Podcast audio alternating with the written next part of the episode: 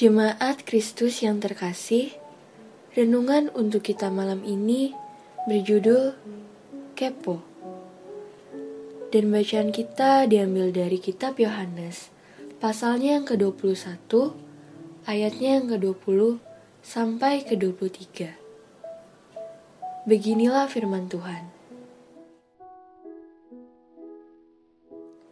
Ketika Petrus berpaling, ia melihat bahwa murid yang dikasih Yesus sedang mengikuti mereka, yaitu murid yang pada waktu mereka sedang makan bersama duduk dekat Yesus dan yang berkata, "Tuhan, siapakah Dia yang akan menyerahkan Engkau?" Ketika Petrus melihat murid itu, ia berkata kepada Yesus, "Tuhan, Apakah yang akan terjadi dengan dia ini? Jawab Yesus, "Jikalau aku menghendaki supaya ia tinggal hidup sampai aku datang, itu bukan urusanmu, tetapi engkau ikutlah aku." Maka tersebarlah kabar di antara saudara-saudara itu bahwa murid itu tidak akan mati.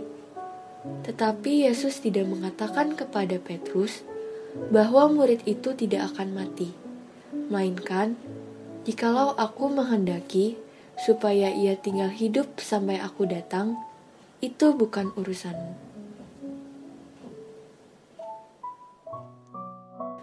Anak-anak muda di Jakarta akan menjuluki temannya kepo apabila temannya itu selalu ingin tahu urusan orang lain.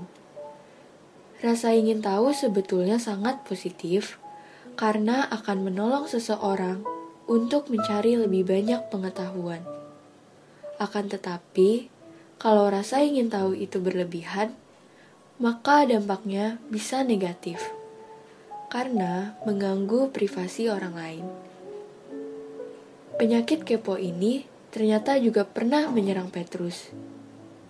Ia ingin tahu mengenai kehidupan Yohanes di masa depan. Maka, Yesus menegur Petrus.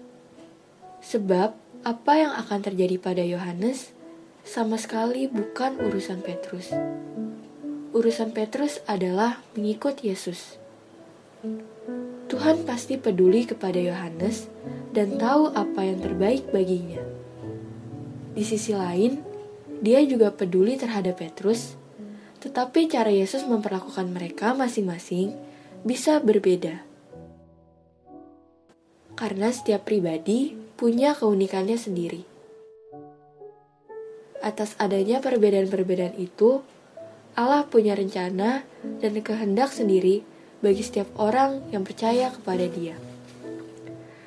Allah tidak berkewajiban memperlakukan kita sama seperti Dia memperlakukan orang lain. Dia tidak berkewajiban untuk memberkati kita dengan cara yang sama seperti Dia memberkati orang lain kita tak perlu meributkan atau merepotkan diri dengan hal itu. Itu sepenuhnya adalah kedaulatan dan wewenang Allah. Tugas kita hanya memastikan bahwa kita sendiri sudah atau sedang mengikut Yesus dengan sungguh-sungguh.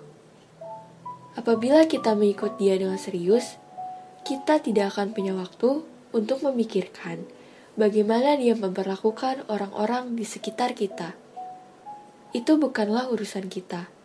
Mari pikirkan saja bagaimana kita dapat mengiring dia makin dekat.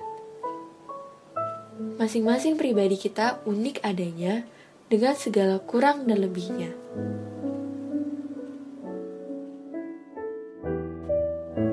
Demikianlah renungan kita pada malam hari ini. Semoga damai sejahtera dari Tuhan kita Yesus Kristus tetap memenuhi hati dan pikiran kita. Amin.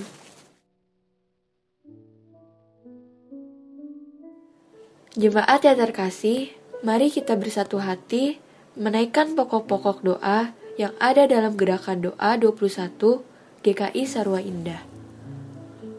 Mari berdoa.